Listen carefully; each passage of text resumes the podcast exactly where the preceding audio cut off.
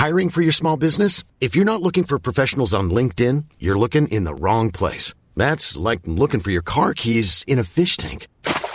LinkedIn helps you hire professionals you can't find anywhere else, even those who aren't actively searching for a new job but might be open to the perfect role. In a given month, over 70% of LinkedIn users don't even visit other leading job sites. So start looking in the right place. With LinkedIn, you can hire professionals like a professional. Post your free job on linkedin.com slash people today. Even on a budget, quality is non-negotiable. That's why Quince is the place to score high-end essentials at 50 to 80% less than similar brands. Get your hands on buttery soft cashmere sweaters from just 60 bucks, Italian leather jackets, and so much more. And the best part about Quince, they exclusively partner with factories committed to safe, ethical, and responsible manufacturing. Elevate your style without the elevated price tag with Quince. Go to quince.com slash upgrade for free shipping and 365-day returns. Hey, it's Ryan Reynolds, and I'm here with Keith, co-star of my upcoming film, If, only in theaters May 17th. Do you want to tell people the big news?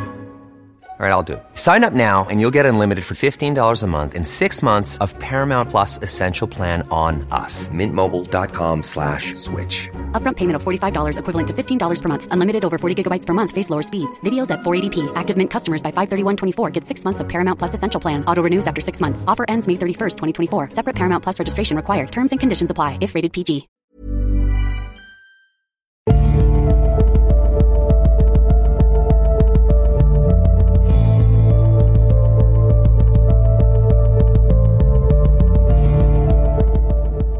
Hei og velkommen til Tåkeprat. Jeg heter Even, og når jeg tar opp denne episode 55, så er det da lørdag den 17. februar 2018. Og det er en viss fare for at jeg slipper denne her episoden en dag for tidlig. Jeg får da håpe at ikke det ødelegger helga for noen. Da har endelig Spotify åpnet for alle podcaster, og jeg er da en av de som løp hylende og skrikende gjennom portene til Spotify med podcasten i hånd, for da å gjøre den tilgjengelig på denne plattformen. De av dere som er Spotify-brukere, vil nok oppleve at det dukker opp ganske mange tusen nye podcaster her i løpet av de neste ukene. Det tar nok litt tid før jeg blir listet der, men Tåkeprat står iallfall i køen og vil dukke opp der etter hvert. Jeg gir beskjed i sosiale medier når Tåkeprat er klar til strømming via denne tjenesten. Like før dette skjedde, så satt jeg og irriterte meg grusomt over filtreringen i beta-versjonen av podkast-tjenesten til Spotify. Siden dette er en så populær strømmetjeneste i Norge, og det er såpass mange som har spurt om Tåkeprat er tilgjengelig der, så bestemte jeg meg for å se om jeg kunne få inn Tåkeprat med andre midler. Jeg kjenner da en veldig hyggelig dame som jobbet for Spotify i en årrekke, og jeg tenkte at det kunne jo ikke skade da, å høre om hun kunne sparke sine tidligere kollegaer litt i leggen. Og rett etterpå så fikk jeg da en mail fra serverleverandøren min om at Spotify hadde åpnet tjenesten for alle. Nå er det ikke sånn at jeg tror at de to hendelsene henger sammen, men jeg kan iallfall late som at min frustrasjon da skapte rystelser i strømmegiganten Spotify. Jeg liker å tenke at vi snakker om telemisk innflytelse, altså, og ikke tilfeldigheter. Uansett, dette er da den fjerde og siste delen om La Fée de Poisson. Og det er hendelsene i denne delen som gjør at denne fortellingen er såpass kjent, og som også har gjort at Madame de Montespan har oppnådd en legendestatus i ettertid. En av de tingene jeg setter veldig stor pris på med denne podkasten, er nettopp muligheten til å gå i dybden og forklare og utbrodere hvorfor ting skjedde på den måten de gjorde, og på den måten fortelle historien slik jeg selv ville likt å høre den. Men med denne fortellingen så sitter jeg igjen med en rekke ubesvarte spørsmål, og det er noe jeg kommer tilbake igjen til mot slutten av episoden. Som dere sikkert vil se, så er denne delen også svært sammensatt og komplisert, og jeg håper jeg har lyktes i å destillere essensen i hva som skjedde på en god måte, og at det ikke er altfor mange løse tråder, bortsett fra de som da er begravet i historien, og som vi aldri vil få svar på. Jeg syns også det har vært eh, fornøyelig å se litt på livet ved hoffet til Solkongen, samfunnet og alle intrigene i Ludvigs Frankrike.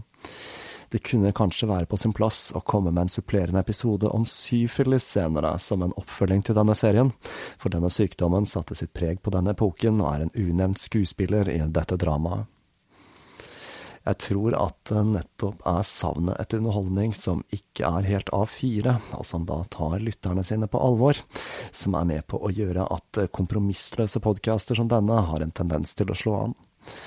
Jeg vet i hvert fall med meg selv at det er en av de tingene som trekker meg til uavhengige podcaster som ikke passer helt inn i et standardformat. En annen ting jeg også har tenkt en del på i det siste, er hvor stort sprik det er i hvilke episoder og serier som er favorittene til dere som hører på. Jeg holder kommunikasjonen jeg har med dere tett til brystet, men jeg kan jo si at det virker som om det er veldig forskjell på hvilke som slår an hos hvem.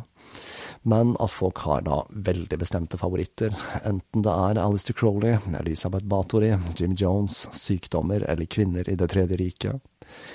Det å ha et stort spenn i tematikk er noe som holder min glød for podkasten levende, og jeg håper vel også at noen av dere kan oppdage noen nye emner dere syns er interessante.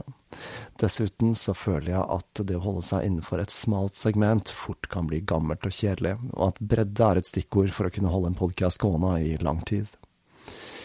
Men når jeg ser på hva jeg har planlagt framover, så begynner det også å bli ganske tydelig at det er et mønster i episodetematikken, og at det er gode sjanser for at noe som er innenfor akkurat ditt favorittemne, kommer til å dukke opp her igjen i Tåkeprat om ikke så altfor lenge.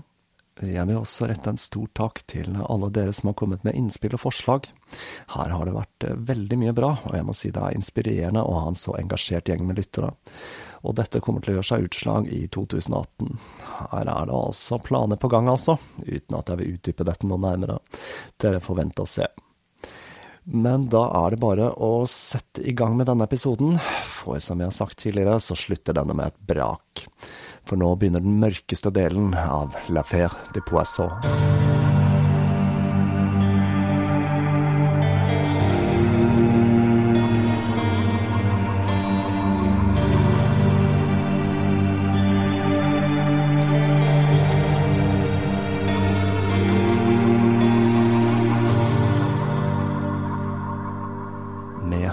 Luxembourg fengslet, så begynte det å sirkulere falske kopier av den angivelige pakten han hadde tegnet med djevelen, med flere fantasifulle ønsker til Mørkets fyrste om at han ønsket å bli usårbar i kamp, bli oppfattet som en god kristen for å forsvare ryktet sitt, og ikke minst at han ønsket å lære hemmelighetene til madame de Brinvilliers. Mens Luxembourg satt fengslet, så ble flere adelige avhørt. Den mest spennende og fargerike av disse, det var søsteren til grevinna Soissons, hertuginnen av Boillon. Og det at hun hadde italiensk blod i årene, det gjorde selvsagt at hun var spesielt mistenkelig. Denne damen, som var gift med den svært velstående hertugen av Boillon, skulle da være middels pen, men ekstremt forførende, og hun var da spesielt kjent for sine vakre små hender og føtter. Hun behandlet sin kjedelige, men rike ektemann med overbærenhet og dårlig skjult forakt, mens hun hadde en lang rekke med elskere. Et av forholdene hadde vært så åpenlyst at hun hadde vært redd for at familien til mannen skulle reagere, så hun hadde da sendt seg selv i kloster, og det sier jo sitt, da. Men dette hadde bare ført til at hertugen ble sur, han brydde seg nemlig ikke om å måtte dele sin kone med andre så lenge han fikk sin egen del. Ryktet til hertuginnen det var så kjent at det ble sagt at kongen hadde sagt at kronprinsen burde få seksualopplæring av denne damen, siden hun var så ekstremt erfaren. Hun var innkalt i avhør fordi Lesage fortalte at hun hadde skrevet et ønske om sin manns død, for da å kunne gifte seg med hertugen av Vendôme, og hun skulle ha vært så pågående at hun hadde tilbudt han en sekk med gull om han kunne hjelpe til. Han hadde også påstått at hun hadde vært en klient av La Bosse og La Vigereux. Senere så skulle det bli sagt at om så var tilfellet, så burde kommisjonen ha sett mellom fingrene på dette, fordi mannen hennes var så skrekkelig kjedelig. Hun ankom Chambra Ardente geleidet av sin mann og hertugen av Vendôme, og med et stort følge støttespillere bestående av familie og venner, i et følge som besto av 20 vogner.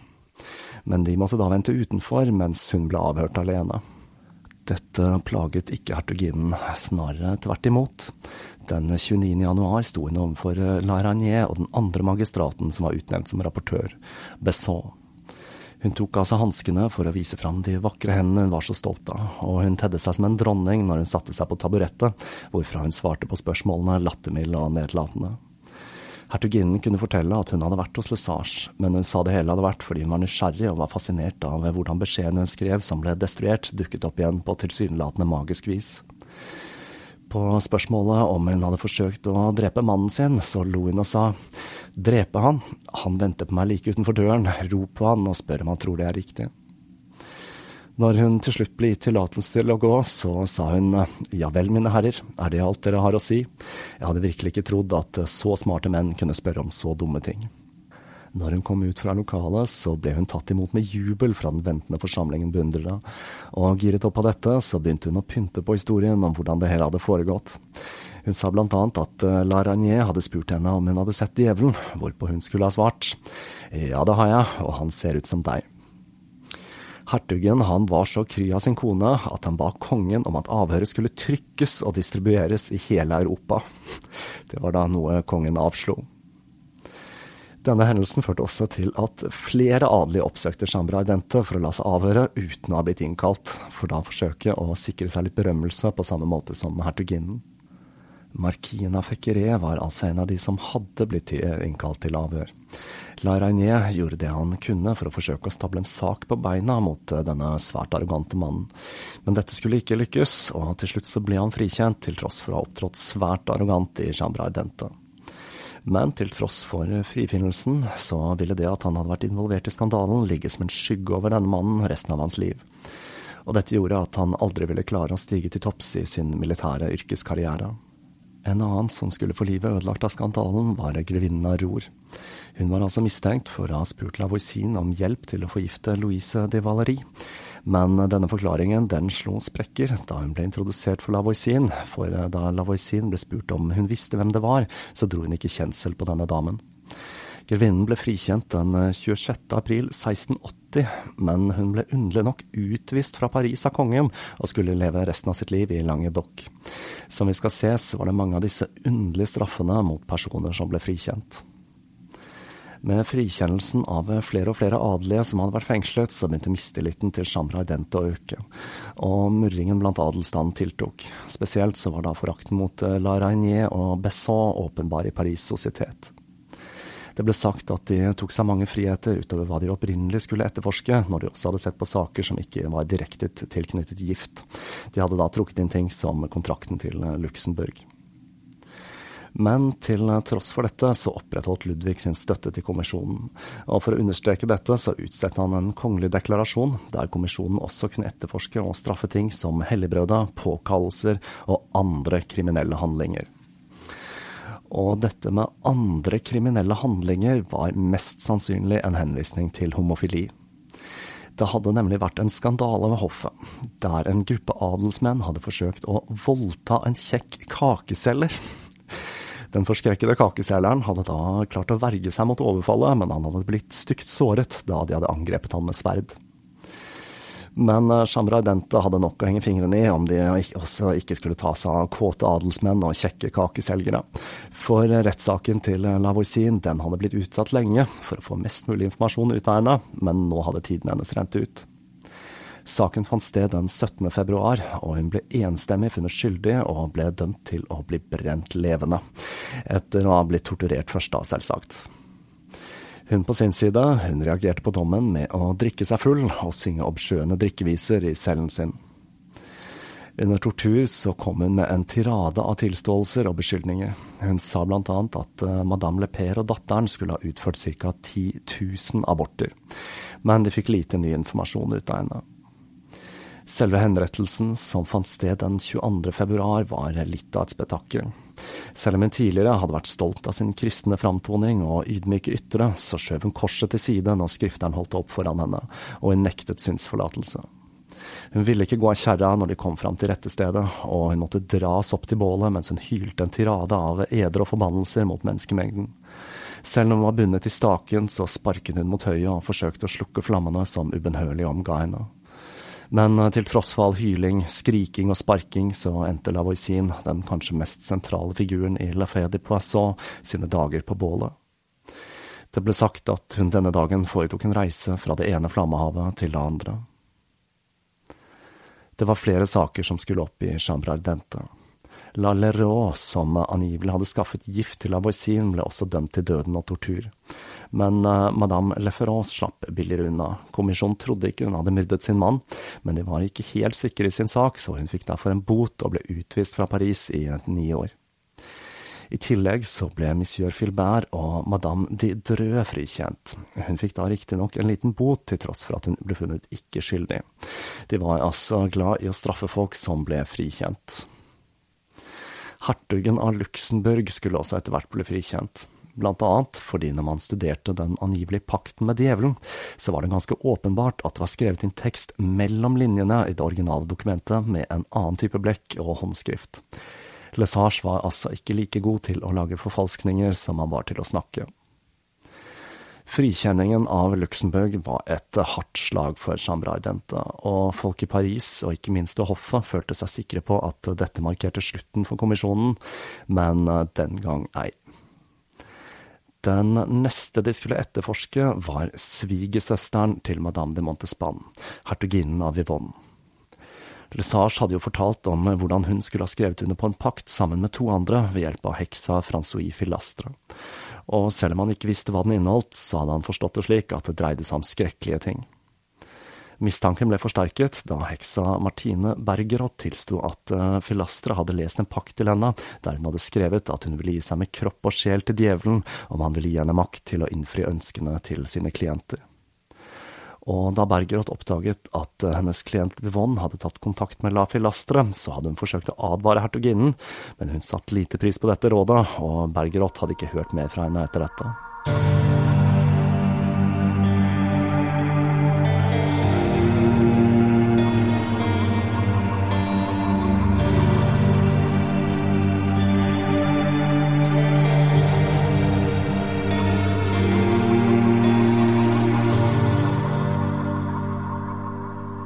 Filastre hadde forlatt Paris i 1679, eh, men eh, La Reiniers lakeier klarte å spore henne opp i Chaussée, og hun samt noen kompaner ble arrestert. Disse var eh, madame Magdalene Chapelin, som tidligere hadde ansatt henne som tjener, og en bonde fra Normandie, Philippe Gallet, som La Filastre skulle ha kjøpt pulveret fra.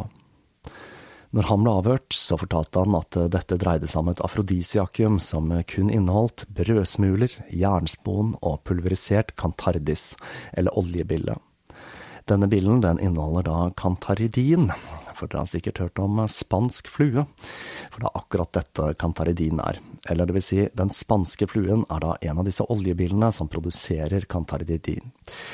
Men det er bare det, da, at dette stoffet, som er svært giftig, ikke fører til seksuell opphisselse. Det som skjer, er at når det behandles av nyrene, så irriterer det urinveiene hos menn, og dette fører da til en smertefull oppsvulming av penis. En slags masochistisk utgave av Viagra med alvorlige helsekonsekvenser, altså. Dette preparatet føyer seg inn i rekken av tvilsomme medikamenter fra samtiden. La Filastre skulle raskt vise seg å være svært interessant for magistratene. Hun fortalte at hun hadde forsøkt å komme seg inn i husholdningen til kongens elskerinne, mademoiselle Fontange, ved hjelp av en ung soldat som skrøt at han hadde mange kontakter ved hoffet. Han ble da selvsagt umiddelbart arrestert. Hun fortalte også at hun hadde vært så ivrig etter å skaffe seg en jobb i husholdningen til Fontage at hun hadde vurdert å forgifte en bekjent som ble vurdert til en stilling i husholdningen hennes. Avhørene av denne damen ble midlertidig utsatt, mens La Reinier og Besson konsentrerte seg om sakene mot La Voisin og Luxembourg. Men når igjen fokuset ble rettet mot La Filastre i mai 1680, så kom hun med en rekke oppsiktsvekkende tilståelser. Hun skulle ha tatt del i en svart messe ledet av ei heks, La Simon, som hadde vært hennes læremester. I dette ritualet hadde hun frasagt seg sin dåp, og ikke bare det. I en sirkel av talglys hadde hun født et barn hun hadde fått med sin elsker. Hva som skjedde med dette barnet, er høyst usikkert. Ifølge La Filastre så hadde La Simon stukket av gårde med spedbarnet, og hun fryktet at det hadde blitt ofret til djevelen. Men eh, når La Simon selv ble avhørt senere, så sa hun at hun hadde tatt med barnet til et sykehus for å beskytte det fra La Filastre. Andre hevdet derimot at La Filastre selv hadde ofret barnet til djevelen. Videre fortalte hun at hun hadde deltatt i flere svarte messer, og hun nevnte en prest ved navn Jacques Cotten som skulle ha ledet disse, og da påkalt de tre demonprinsene for å fullføre en pakt mellom henne og djevelen for å gi henne magiske evner. Denne presten ble da selvsagt også arrestert, og han kunne bekrefte at alt dette stemte. Han fortalte også om et tilfelle der han hadde plassert voksfigurer på alteret for La Filastre når han hadde gudstjenester, og at han hadde holdt messer for å forsterke effekten av pulverne fra Philippe Gallet. Hun hadde beholdt noe av dette pulveret selv for å da selge det til egne klienter, og resten hadde blitt distribuert ut i Paris' underverden via Magdalene Chapelain. Dette skulle også vise seg å stemme. Vi fant dette pulveret hos eh, madame Chapelain, og i avhørene av henne så kom det fram at også hun skulle hatt et ønske om å tegne en pakt med djevelen. Ifølge La Filastre så hadde madame Chapelain forsøkt å hjelpe en dame med å rydde mannen av veien med en forbannelse som da inkluderte menneskeknokler og ekskrement. Hun antydet at hun kunne ha forgiftet sin tidligere elsker, stått bak forgiftningen av Therese de Parc, det var da altså skuespillerinnen fra forrige episode, og ikke minst skulle hun ha stått bak dødsfallet til den siste presidenten i Paris parlament. Og sprekere, det skulle det bli. Den 5. juni nevnte La Filastre navnet til en annen prest som skulle ha ledet svartemesser, Etienne Gueborg. Denne mannens spesialitet skulle være å konstruere pakter med djevelen.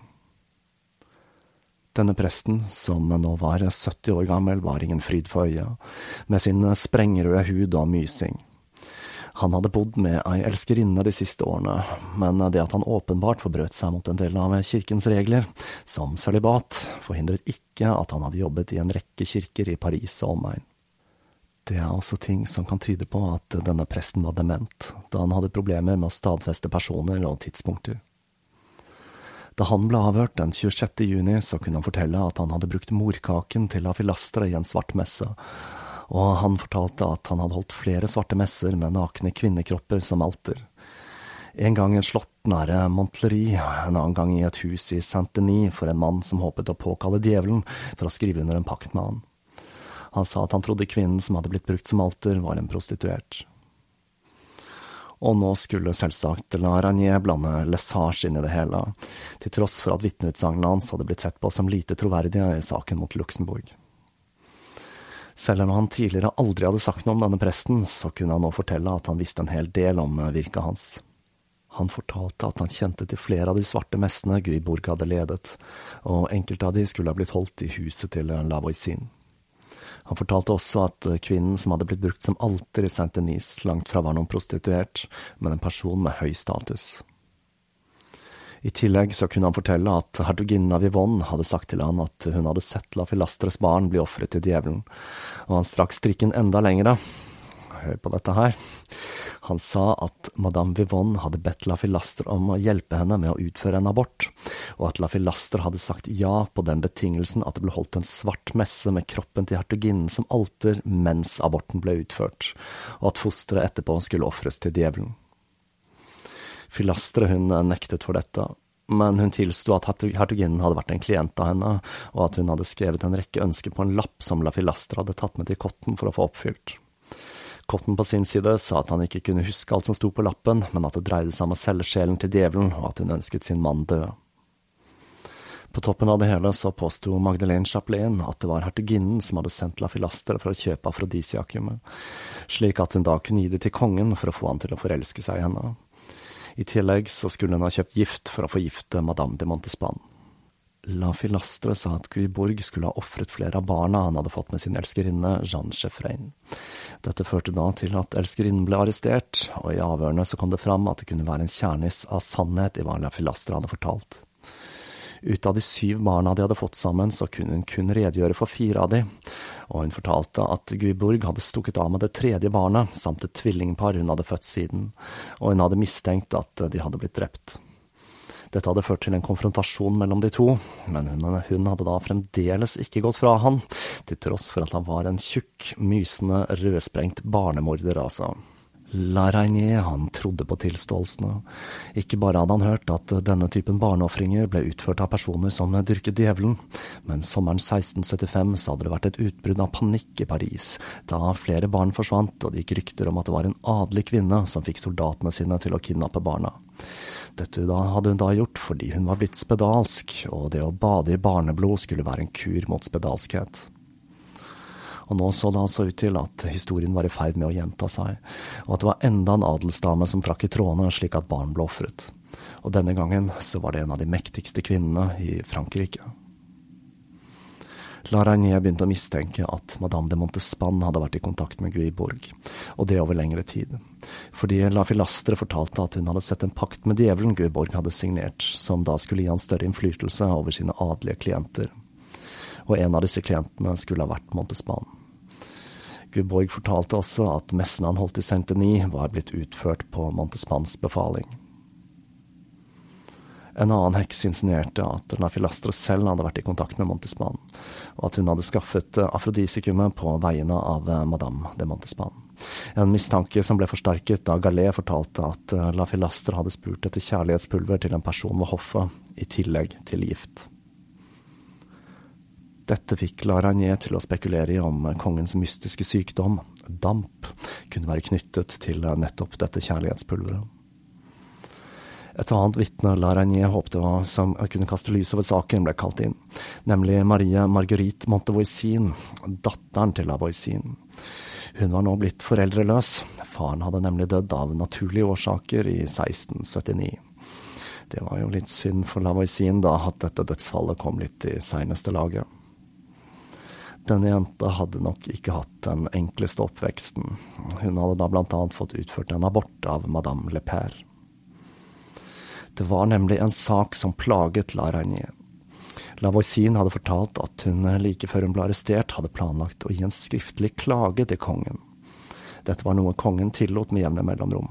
At vanlige folk kunne komme med skriftlige klager eller ønsker. Som en slags eh, kongelig forslagskasse, altså. Og enkelte ganger så kunne de da presentere dette personlig.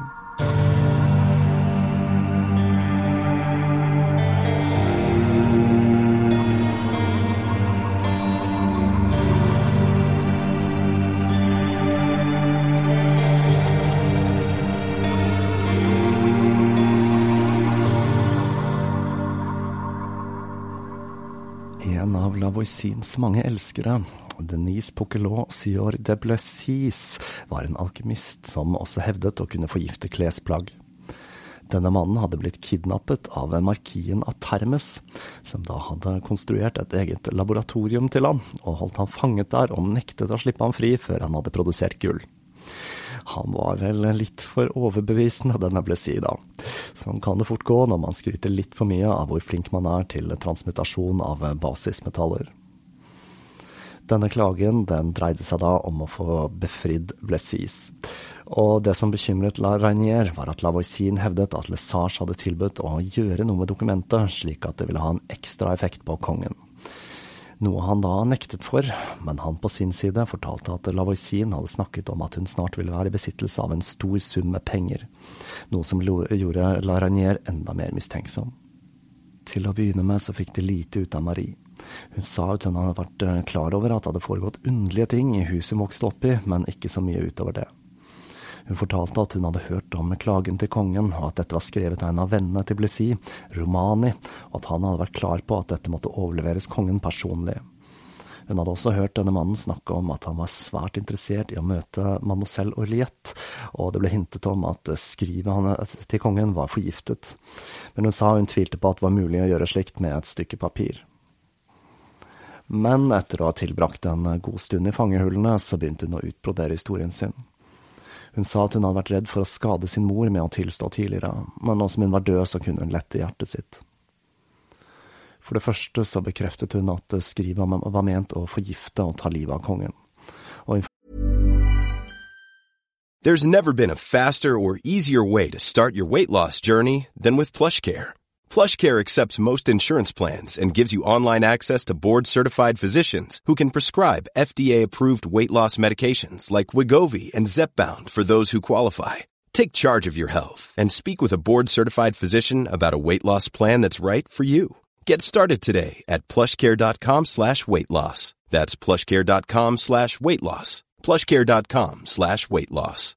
How would you like to look five years younger? In a clinical study, people that had volume added with Juvederm Voluma XC in the cheeks perceived themselves as looking five years younger at six months after treatment. Look younger, feel like you. Add volume for lift and contour in the cheeks with Juvederm Voluma XC. Reverse signs of aging by adding volume to smooth laugh lines with Juvederm Volure XC. For important safety information and to find a licensed specialist, visit juvederm.com. That's J U V E D E R M.com. Not for people with severe allergic reactions, allergies to lidocaine, or the proteins used in Juvederm. Common side effects include injection site redness, swelling, pain, tenderness, firmness, lumps, bumps, bruising, discoloration, or itching. There's a risk of unintentional injection into a blood vessel, which can cause vision abnormalities, blindness, stroke, temporary scabs, or scarring. Talk to a licensed specialist to find out if it's right for you. fortalte at Lavoisin og Romani hadde lagt en plan sammen. Romani skulle late som han var en silkeselger sammen med sin venn Bertrand, og sammen så skulle de oppsøke mademoiselle Fontange og forsøke å selge henne forgiftet silke. Om dette feilet, så skulle de ha med seg et par forgiftede hansker som var så utsøkte at elskerinnen ikke kunne si nei til tilbudet. De hadde regnet med at kongen ville være død innen giften hadde virket på mademoiselle Fontange, og at det derfor ville se ut som hun hadde dødd av sorg. I tillegg så planla de å ta livet av markina Termes med giftige klær. Han som kidnappet alkymisten der, altså. Og motivet, det var penger. Det var nemlig madame de Montespan som hadde ansatt Lavoisin for å ta livet av kongen og mademoiselle Fontange, og Lavoisin skulle ha lagt planer for å flykte til England og leve i sus og dus der etter drapene var utført. Marie hadde hørt sin mor si at hun var sikker på at Montespan var tro mot sitt ord. Her uh, hører det med til historien at Laboisin Lavoisin hadde forsøkt å få Romani til å gifte seg med Marie, men da han oppdaget at hun hadde utført en abort, så hadde han avvist henne. Og dette gir jo et motiv da, for denne tilståelsen fra den forsmådde Marie. Når uh, Romani ble avhørt, så ble mistankene styrket. Denne mannen var en slags tusenkunstner og hadde hatt en rekke forskjellige yrker, og det slo ned at han var den perfekte infiltratør. Han bekreftet også en del av tingene Maria hadde fortalt, som at han hadde sagt til Lavoisin at uh, han måtte gi oppropet til kongen personlig, og at han hadde planlagt å selge et par hansker til mademoiselle Fontange, men han nektet for at det lå noen onde hensikter bak det hele. I de neste avhørene så skulle Marie fortelle at kontakten mellom Lavoisin og madame de Montespan skulle ha vært svært utstrakt og hun kunne fortelle om en backup-plan for å myrde kongen om skrivet skulle feile, der eh, Lavoisin skulle snuble og putte giftig pulver i lomma på kongen. Denne planen virker da ekstremt urealistisk og karikert, ikke minst fordi det er svært usannsynlig at eh, Lavoisin ville kunne komme nære nok kongen til å kunne utføre dette trikset. Hver gang kongen hadde sett seg om etter andre kvinner, så skulle Montespan ha tatt kontakt med Lavoisin for å få kjærlighetspulver, og for at hun skulle utføre svarte messer i hennes navn. Mademoiselle de Oliette skulle enkelte ganger ha vært den som brakte pulveret og beskjeder fra Lavoisin. Hun sa at uh, Athenais hadde blitt stadig mer aggressiv, og at uh, Lavoisin hadde motvillig gått med på planene hennes. Heksa og medhjelperen til Lavoisin, La Trianon, skulle også ha vært med på planene. Men hun var da ansatt av en mystisk tredjepart, Monsieur de Marquis. Den 17. august ble Marie konfrontert med La Trianon, som da nektet for alle beskyldningene. Dette førte til at Marie tråkket enda mer på gassen og fortsatte sine avsløringer den 20. august. Hun fortalte at eh, Guiborg hadde utført svarte messer i huset til Lavoisin, med nakne damer som altere, og at madame de Montespan selv var en av de damene som hadde latt seg bruke på denne måten.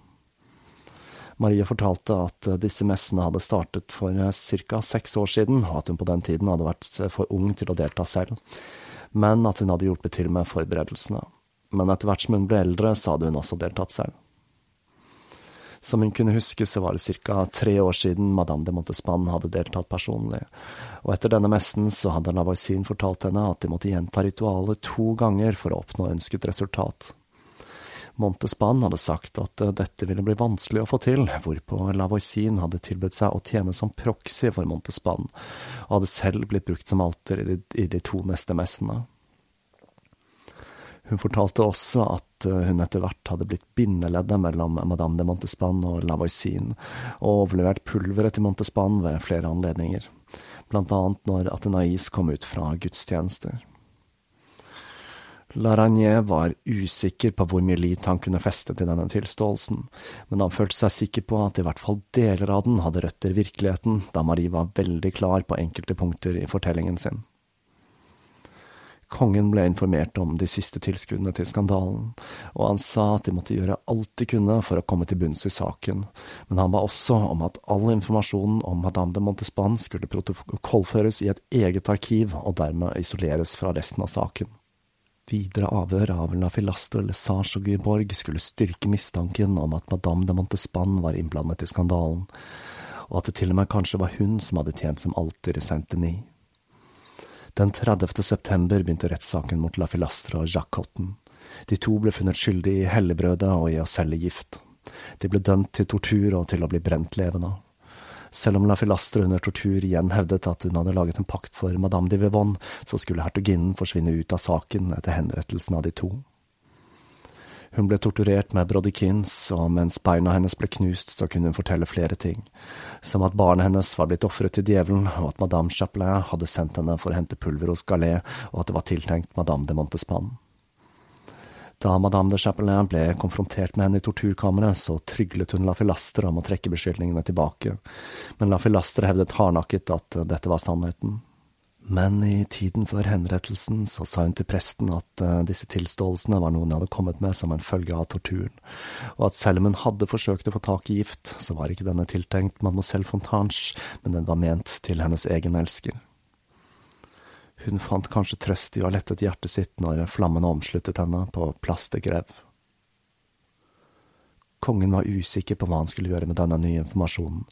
Egentlig så skulle avhøret av La Filastre legges frem i sin helhet for Chambra Ardente, men han visste at dette ville sørge for at Montespan ville være svertet for all ettertid, og at han ville bli gjort narr av for bokstavelig talt å ha blitt trollbundet av sin elskerinne.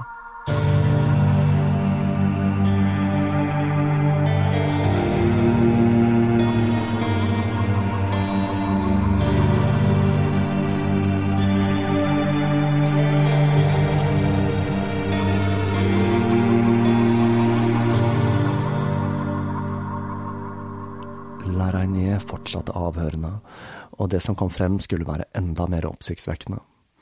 Marie Montevonsin fortalte at hun hadde vært til stede når Guiborg hadde utført en svart messe over kroppen til madame de Montespan, og hvor Guiborg hadde kuttet strupen til et nyfødt spedbarn, for så å helle dette i en kopp som en parodi på vinen i nattverden. Etter messen var over, så hadde de revet ut innvollene på barnet og destillert dette til en væske madame de Montespan hadde fått med seg i to små flasker. Hun kunne også fortelle hvordan eh, mademoiselle Dioliette hadde vært i følge med en mystisk engelsk lord som hadde vært involvert i konspirasjonen, og at Gyborg hadde ledet flere bisarre seremonier for de to. Blant annet en der hun hadde kommet med en beholder med menstruasjonsblod som engelskmannen hadde onanert i, og Guiborg hadde blandet dette med flaggermusblod. Senere skulle La Reinier forstå det slik at det også var blod fra spedbarn i denne blandingen. Denne herlige miksen skulle brukes til å myrde kongen, ved da å smøre den på klærne hans eller helle den på bakken der han gikk. Kviborg bekreftet dette i avhør. Han fortalte at eh, han hadde utført svarte messer over den samme kvinnen fire ganger, og at det var blitt ofret spedbarn ved de fire anledningene. I disse ritualene hadde han påkalt Astarat og Asmodeus for å få oppfølt ønskene til denne damen, som da skulle ha vært å vinne kongens kjærlighet. Han sa også at han hadde sett en satanisk pakt ved en av disse anledningene, og han husket den i detalj, ord for ord. Da han ble spurt om å identifisere denne kvinnen som hadde tjent som alter, så sa han at han ikke visste hvem hun var, fordi hun hadde hatt et slør foran ansiktet, men han sa han hadde forstått det slik at det dreide seg om madame de Montespan. La Reinier sto nå overfor et dilemma. Man var nemlig nødt til å legge fram hele tilståelsen til den anklagende i saken for Chandra Ardente, og ikke bare deler av den slik kongen ønsket å gjøre, for da å skjule hva som hadde kommet frem. For å avvike fra dette prinsippet ville svekke rettsprosessen. Så han fikk tillatelse til å sette Chambre Ardente på vent, mens han fortsatte å grave dypere for å forsøke å finne ut om det var noe i de mange beskyldningene mot Athenais. Det første sporet han skulle følge, var Marinette, presten som hadde samarbeidet med Lesage, og som hadde blitt sendt til et hjem for frafalne prester når Lesage hadde blitt dømt til en tilværelse om bord på Galileiene. Han hadde nemlig nevnt Madame de Montespan som en klient av de to i rettssaken, men den gangen så hadde dette blitt avfeid som tøv, men nå stilte ting seg litt annerledes. Etter de hadde sporet han opp og arrestert han på ny, så ble han og Lesage avhørt separat. Begge bekreftet at Madame de Montespan hadde blitt en klient av Lavoisin i 1667, og at hun hadde blitt med de to når de hadde startet sin egen business uten Lavoisin. Men forklaringene sprikte litt når det gjaldt hva hun ønsket å oppnå. Begge kunne enes om at hun ønsket å tenne kongens begjær, men der Lesage sa at hun ønsket Louise de Valerie død, så sa Marinette at hun kun ønsket henne bortvist fra hoffet men begge fortalte at hun hadde deltatt i ritualer, og begge kunne fortelle om et som inkluderte to duehjerter. Selv om forklaringene spriket litt, så tok Rainier disse tilståelsene som en klar indikasjon på at madame de Montespan var tilbøyelig til å gå langt for å sikre sin posisjon som Ludvigs foretrukne elskerinne. Og nå som Lesage var i rampelyset igjen, så kunne han fortelle at Lavoisin hadde blitt lovet en stor sum penger av eh, mademoiselle de Oliette om eh, hun hjalp henne med å ta livet av kongen, og at Lavoisin hadde skaffet henne giftige pulvere, som hun da hadde byttet med madame de Montespan sine afrodisiakum, og på den måten hadde gjort henne til en uvitende sammensvorne i konspirasjonen om å drepe kongen. Og Larainier følte seg sikker på at den mystiske engelskmannen Oliette hadde tatt med seg til Lavoisin flere ganger, var nøkkelen til hele konspirasjonen. Han bestemte seg for å avhøre mademoiselle de Oliette, men han var klar over at han måtte trå varsomt slik at hun ikke ville bli mistenksom dersom hun var en del av denne konspirasjonen. Oliette fortalte at hun kjente til Lavoisin, og at hun hadde besøkt henne ved én anledning, men hun hadde ikke hatt noen kontakt med henne utover dette. Da hun ble fortalt at flere av de som var mistenkt i saken, hadde navngitt henne, så sa hun at de ikke ville dra kjensel på henne om de fikk se henne. Så akkurat dette skjedde. Men dessverre for Oliette så kjente både Marinette og Lesage henne igjen. Marie kjente henne ikke igjen først, men senere sa hun at hun hadde sagt at hun ikke kjente henne igjen, for da ikke å gjøre Oliette forlegen. Men her må det jo sies at dette ikke akkurat var en sånn mistenkt linje som vi ser i detektivserier på TV. Hun ble da paradert foran fangene, og det skulle vel ikke så fryktelig mye til for luringen eller Sars og Marinette å gjette hvem dette var. Laragnier begynte å helle mot at eh, det var stor sannsynlighet for at Athenais var innblandet i det hele, selv om han syntes fortellingen om den forgiftede klagen da hørtes litt i overkant fantastisk ut, så hadde han problemer med å forestille seg at en så enkel pike som Marie kunne konstruere en slik fortelling.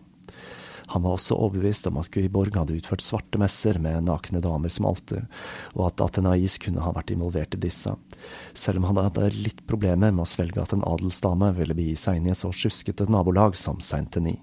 I Versailles hadde kongen avsluttet sitt uh, seksuelle forhold med både Athenais og mademoiselle de Fontange, som nå var blitt syk etter aborten, og han tilbrakte stadig mer tid med madame de Maintenon og ingen, bortsett fra kongen selv, var klar over beskyldningene som hadde kommet fram i Chambra Ardente. I det hele tatt så begynte interessen for Chambra Ardente å dabbe av, og flere kritiske røster ønsket å avslutte det hele. Kongen bestemte seg nå for å trekke inn to nye personer i etterforskningen. Finansministeren monsieur Colbert, som hadde vært med på å underskreve dokumentet som godkjente Chambre Ardente i utgangspunktet, og faren til Louis og Frankrikes kansler, monsieur Le Relier. Sammen med Louis og kongen så fikk de to tilgang til dokumentene som omhandlet Madame de Montespan. Colbert var i utgangspunktet svært skeptisk til arbeidet til Chambraidente, og han mente at det satt Frankrike i et dårlig lys, ikke minst fordi personer i hans nære omgangskrets var blitt dratt inn i skandalen. Han uttrykte vantro da han oppdaget at eh, madame de Montespan og madame de Vivonne hadde blitt mistenkt i saken. Begge disse damene var nemlig giftet inn i familien hans, blant annet så hadde han giftet bort datteren sin til en av Montespans sønner.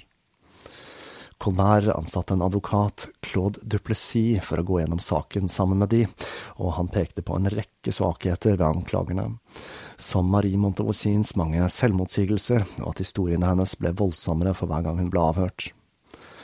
Han påpekte også at det slett ikke var vanskelig for fangene i Vincennes å koordinere og samordne historiene sine da det var flere i cellen, og også fordi vaktholdet var så slapt at de hadde muligheten til å motta beskjeder utenifra. Og ikke minst så pekte han på det faktum at madame de Montespan enkelt kunne ha tatt livet av kongen selv om hun ønsket det. I egenskap av å være hans elskerinne, så spiste de to ofte sammen. Der han bommet litt, var når han pekte på kongens hengivne til Atenais. Som vi har vært inne på, så hadde han jo flere romanser mens dette forholdet pågikk. Han foreslo at man kunne løse det hele enten ved å oppløse Sambra Ardente, noe som da ville vekke mistanke. Man kunne ha rettssaker mot de som ikke hadde nevnt Montespan, og dømme Lesage, Marie og Guiborg for å ha spredd ondsinnet sladder. Eller man kunne frakte alle de som hadde tilståelser om Madame de Montespan til en fjern fransk koloni for å holde rettssakene der. Det som selvsagt er litt underlig, er at det var Colbert som ble da beskrevet som en kald fisk som tok Montespan i forsvar, og ikke kongen selv.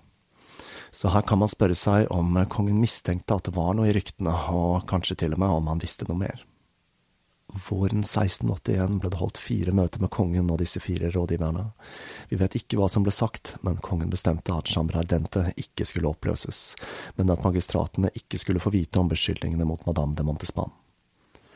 Vi vet ikke hva kongen tenkte her, om han trodde hun var uskyldig, eller om han ville spare seg selv og at Atenais vanære.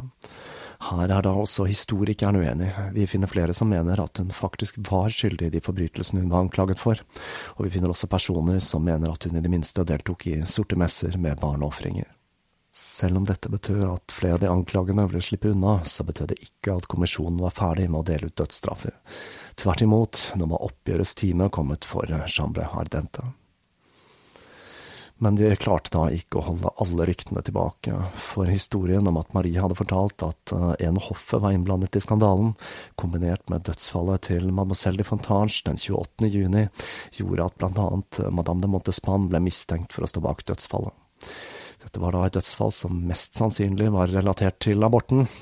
Mest sannsynlig, da. Vi vet altså ikke med sikkerhet. Men før den tid så startet Chambre Ardente opp igjen den 19. mai 1681. Til tross for at man så bort ifra avhørene av annet Marie og La Filastre, så var det nok å ta.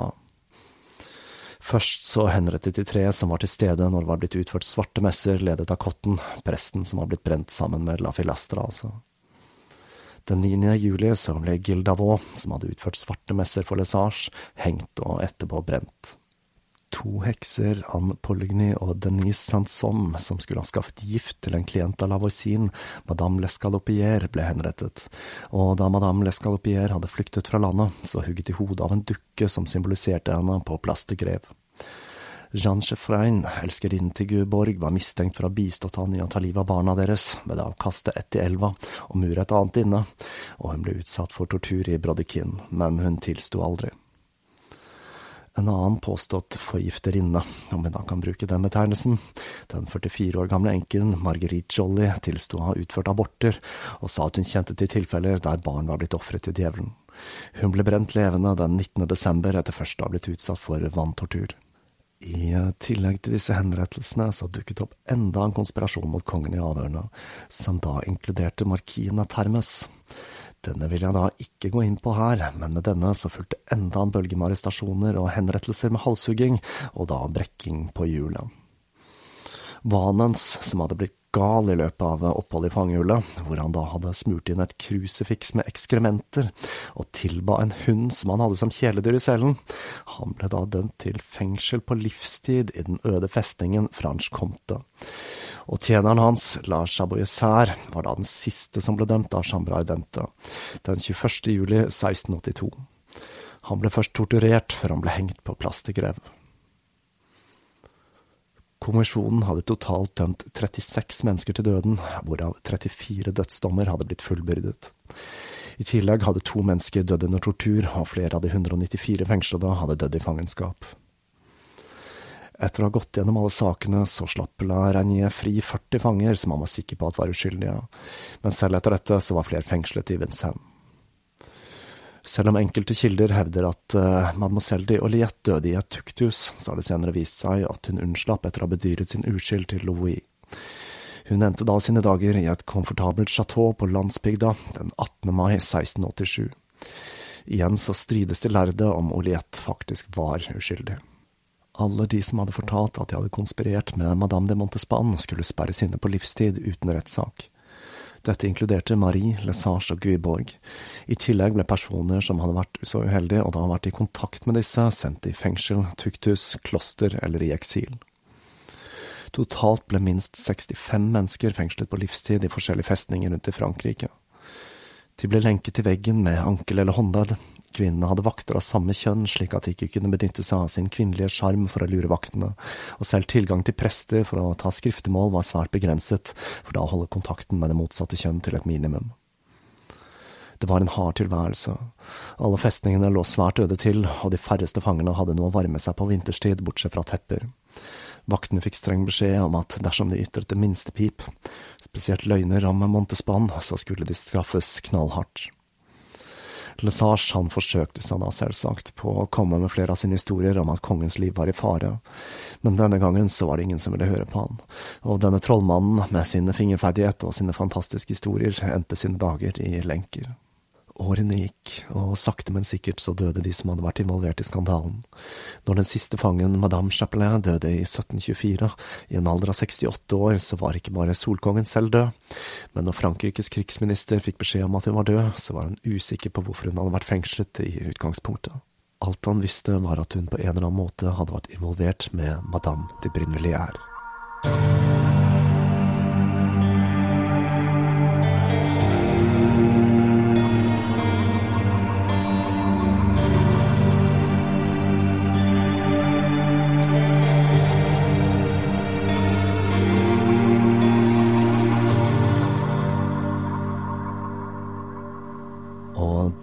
Historien om l'affaire de Poisson.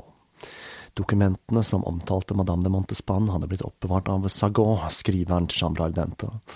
Ni år senere så ble disse overført til kongens sekretær, og den 13. juli 1709 beordret kongen å få dokumentene sendt til seg, hvorpå han brente de. Han var sikker på at han med dette hadde beskyttet Atenais rykte for all ettertid. Men eh, den gang ei. Larainier hadde nemlig beholdt kopier av disse, og disse dukket opp igjen på slutten av 1800-tallet, og med det så startet ryktet om at Madame de Montespan var innblandet i sataniske ritualer og giftdrap. Det spekuleres også i om det en gang fantes enda mer spektakulære tilståelser som var enda mer kritiske for Montesmans omdømme, men disse er i så fall tapt i historien. Buried by time and dust, altså. Det som fenget meg så veldig med denne historien, er at det ser ut til at det faktisk er en kjerne av sannhet i påstandene om at det eksisterte et miljø der giftdrap var fasjonabelt. Riktignok ikke så til de grader som det ble påstått i avhørene. Det var jo ganske åpenbart at spesielt når Lesage kom inn i bildet, så ble det spunnet en del ganske fantasifulle fortellinger. Men giftdrap ser da virkelig ut til å ha forekommet, og det kan virke som om flere lot seg inspirere av historien om Madame Brinvilliers og forsøkte å kvitte seg med brysomme eller kjedelige ektemenn Tyskland ved hjelp av Paris' mange devineresser. Man trodde jo at disse miljøene opererte med nye og avanserte former for gift, men det er lite som tyder på dette, og at disse påstandene i stor grad var tilknyttet svindlere som forsøkte å lure kjøpere til å kjøpe mirakelgift. For det skulle ikke stå på svindlere og personer som visste å utnytte lettlurte sjeler i Ludvigs Frankrike. Det er eh, også fascinerende at trolldom var så utbredt i Frankrike på denne tiden, og at disse devineressene opererte relativt fritt. Som vi husker fra historien om Elisabeth Bathory, så var det jo også hekser eller kloke koner som ble tolerert på hennes tid. Så fremt de ikke lagde magiske kringler for grevinnen, da. Da var jo veien til bålet ganske kort. Det jeg sitter og lurer på, er hvor mye av historiene om de svarte messene som er reelle. Det er ikke så vanskelig å forestille seg at disse historiene kan ha røtter i virkeligheten, og at enkelte faktisk forsøkte å selge sjelen sin til djevelen for å bøte på skranten økonomi eller for å sikre seg sin utkårede ekteskap. Med all dødtiden ved kongens hoff, mellom de store festene i Versailles, så kunne sikkert denne typen aktiviteter ha vært et kjærkomment avbrekk fra det kjedelige hverdagslivet. Og jeg må jo si at det indre bildet jeg har av disse messene, gjør at jeg velger å tro at de har en kjerne av sannhet, for denne typen dekadent barokk djeveldyrking har jo en viss estetisk sjarm, da. Men det er jo også ganske åpenbart at disse historiene har en rekke andre historiske paralleller. Påstander om at grupper i samfunnet driver med djeveldyrking og barneofring er jo noe som dukker opp støtt og stadig, selv i vår tid. Et annet stort spørsmål er jo om Madame de Montespan var involvert. Her strides altså historikerne, og måten Ludvig valgte å håndtere skandalen kan jo tyde på at han selv kanskje mistenkte at hans tidligere elskerinne på en eller annen måte var involvert i en konspirasjon for å forhekse ham. Dette har gjort at denne damen for all ettertid vil være omgitt av en aura av mystikk. Det er i hvert fall liten tvil om at Frankrike var gjennomsyret av okkultisme i renessansen, og dette landet skulle også oppleve nye bølger av fascinasjon for magisk praksis, med personer som Elipas Levi i spissen senere. Som vi vet så tilbrakte jo Alistair Crowley mye tid der, og han satte også sine spor. Og jeg kommer nok ikke til å gi helt slipp på de franske okkulte bevegelsene riktig ennå her i Tåkeprat, for her er det enormt mye spennende å ta tak i, og mange, mange flere franske navn for meg å radbrekke. Kanskje jeg til og med klarer å ta meg en tur til Paris før jeg gir meg i kast med et nytt fransk tema. Til å besøke Notre-Dame med kunnskapen om alle de som fikk kuttet av seg kroppsdeler og måtte proklamere sin anger der, vil nok legge til et ekstra element til denne katedralen som turistattraksjon. For da ikke å snakke om plass til grev.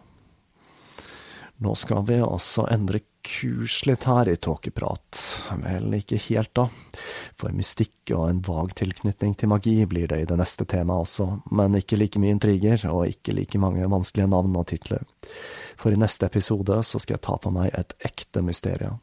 Et som fremdeles forbløffer og fascinerer like mye som dagen det ble oppdaget. Det sentrale i denne fortellingen er en bok, og jeg kan vel røpe at H.P. Lovecraft nok lånte litt inspirasjon fra denne historien når han konstruerte sin Necronomicon. Og da tipper jeg at enkelte av dere kan gjette hva som blir det neste temaet her i Tåkeprat. Om du ønsker å støtte Tåkeprat og få noen ekstra karmapoeng, og kanskje også en mulighet til å slippe kø i perleporten, så er det nå altså mulig å støtte den videre driften av Tåkeprat via Patrion. Dere finner link til denne via hjemmesiden til Tåkeprat. Det tar da et minutts tid å sette opp en profil der, og alle bidrag de tas imot med takk. Jeg vil da igjen takke dere som allerede er bidragsytere. Dere er med på å dra denne podkasten fram og opp mot nye høyder. Og kanskje viktigst av alt, fortsett å lytte, for det er mye spennende i vente. Tips gjerne en venn, jeg er sikker på at det er flere der ute som kunne trengt litt tåkeprat i hverdagen. Så fram til neste episode så er det jo bare å dra i gang en svart messe om livet skulle bli for kjedelig. Nå har dere iallfall en mal å gå etter, og hvem vet, kanskje de tre demonprinsene dukker opp for å innfri dine ønsker. A bientôt.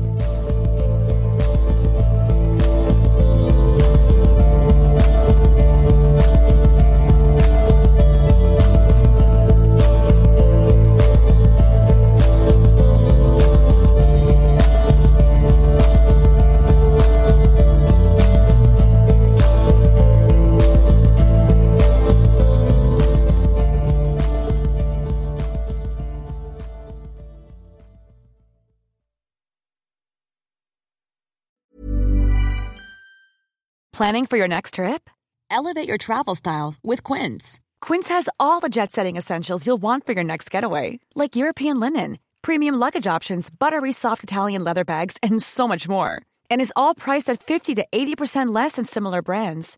Plus, Quince only works with factories that use safe and ethical manufacturing practices. Pack your bags with high-quality essentials you'll be wearing for vacations to come with Quince. Go to quince.com slash pack for free shipping and 365-day returns.